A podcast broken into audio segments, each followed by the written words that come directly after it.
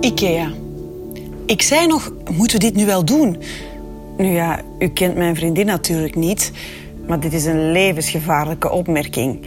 Mijn vriendin vindt namelijk dat je alles moet doen en het liefst nu meteen. Ik had het laatste woord uit die levensgevaarlijke vraag nog niet uitgesproken of ze had zich al op mij gestort. En vanaf dat moment was ik verloren. Ik geef het onmiddellijk toe, maar echt, dat zou u ook gebeuren. Stortte zij zich op u. Dat weet ik zeker. U heeft de beelden gezien. U weet dus hoe ze eruit ziet en hoe goed ze is met haar handen. In elk geval, ze kuste me en ging door mijn haren met die zeer kundige handen. Haar lippen gingen van mijn mond naar mijn nek en soms voelde ik haar tanden, zachtjes, en haar vingers die omlaag gleden over mijn rug. Oké, toegegeven, ik deed er weinig aan om haar te stoppen. Het zou kunnen dat ik haar nog eens vroeg of we dit nu wel moesten doen. En misschien zei ik ook nog wel zoiets als: uh, ja, we doen dit niet. En iets over impulsen en beheersing. Vanaf dat moment herinner ik me weinig. Ik weet alleen nog dat ze zei dat ik moest gaan liggen.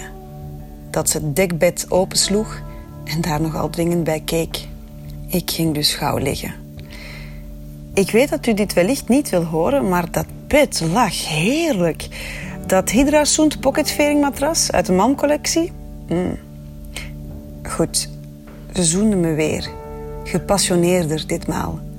Ze schoof haar rechterbeen tussen mijn benen, duwde haar tong dieper in mijn mond en gleed onder mijn shirt. Eerst met haar handen en daarna met haar tong. Ze trok mijn shirt over mijn hoofd, maakte mijn BH los met haar ene hand en omvatte mijn borst met de andere. Ook mijn broek trok ze uit. Ik snap nog steeds niet hoe ze dat zo snel voor elkaar kreeg. Wat ik zei, ze is erg goed met haar handen en met haar tong. Tja, en vanaf dat moment was u er zelf bij. Samen met uw collega, dat kleine mannetje met die chagrijnige blik.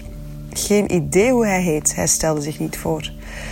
Hoe het ook zij, ehm, we zouden het erg jammer vinden als we de IKEA nu nooit meer in mogen. Daarom bied ik hierbij nogmaals mijn excuses aan, ook namens mijn vriendin. En dit blijf ik doen totdat u ons winkelverbod opheft. U moet begrijpen, we komen erg graag in de IKEA. En we zouden het vreselijk vinden als we nu alles voortaan online moesten bestellen. Sommige meubelen moet je gewoon uittesten. In het echt. Snapt u?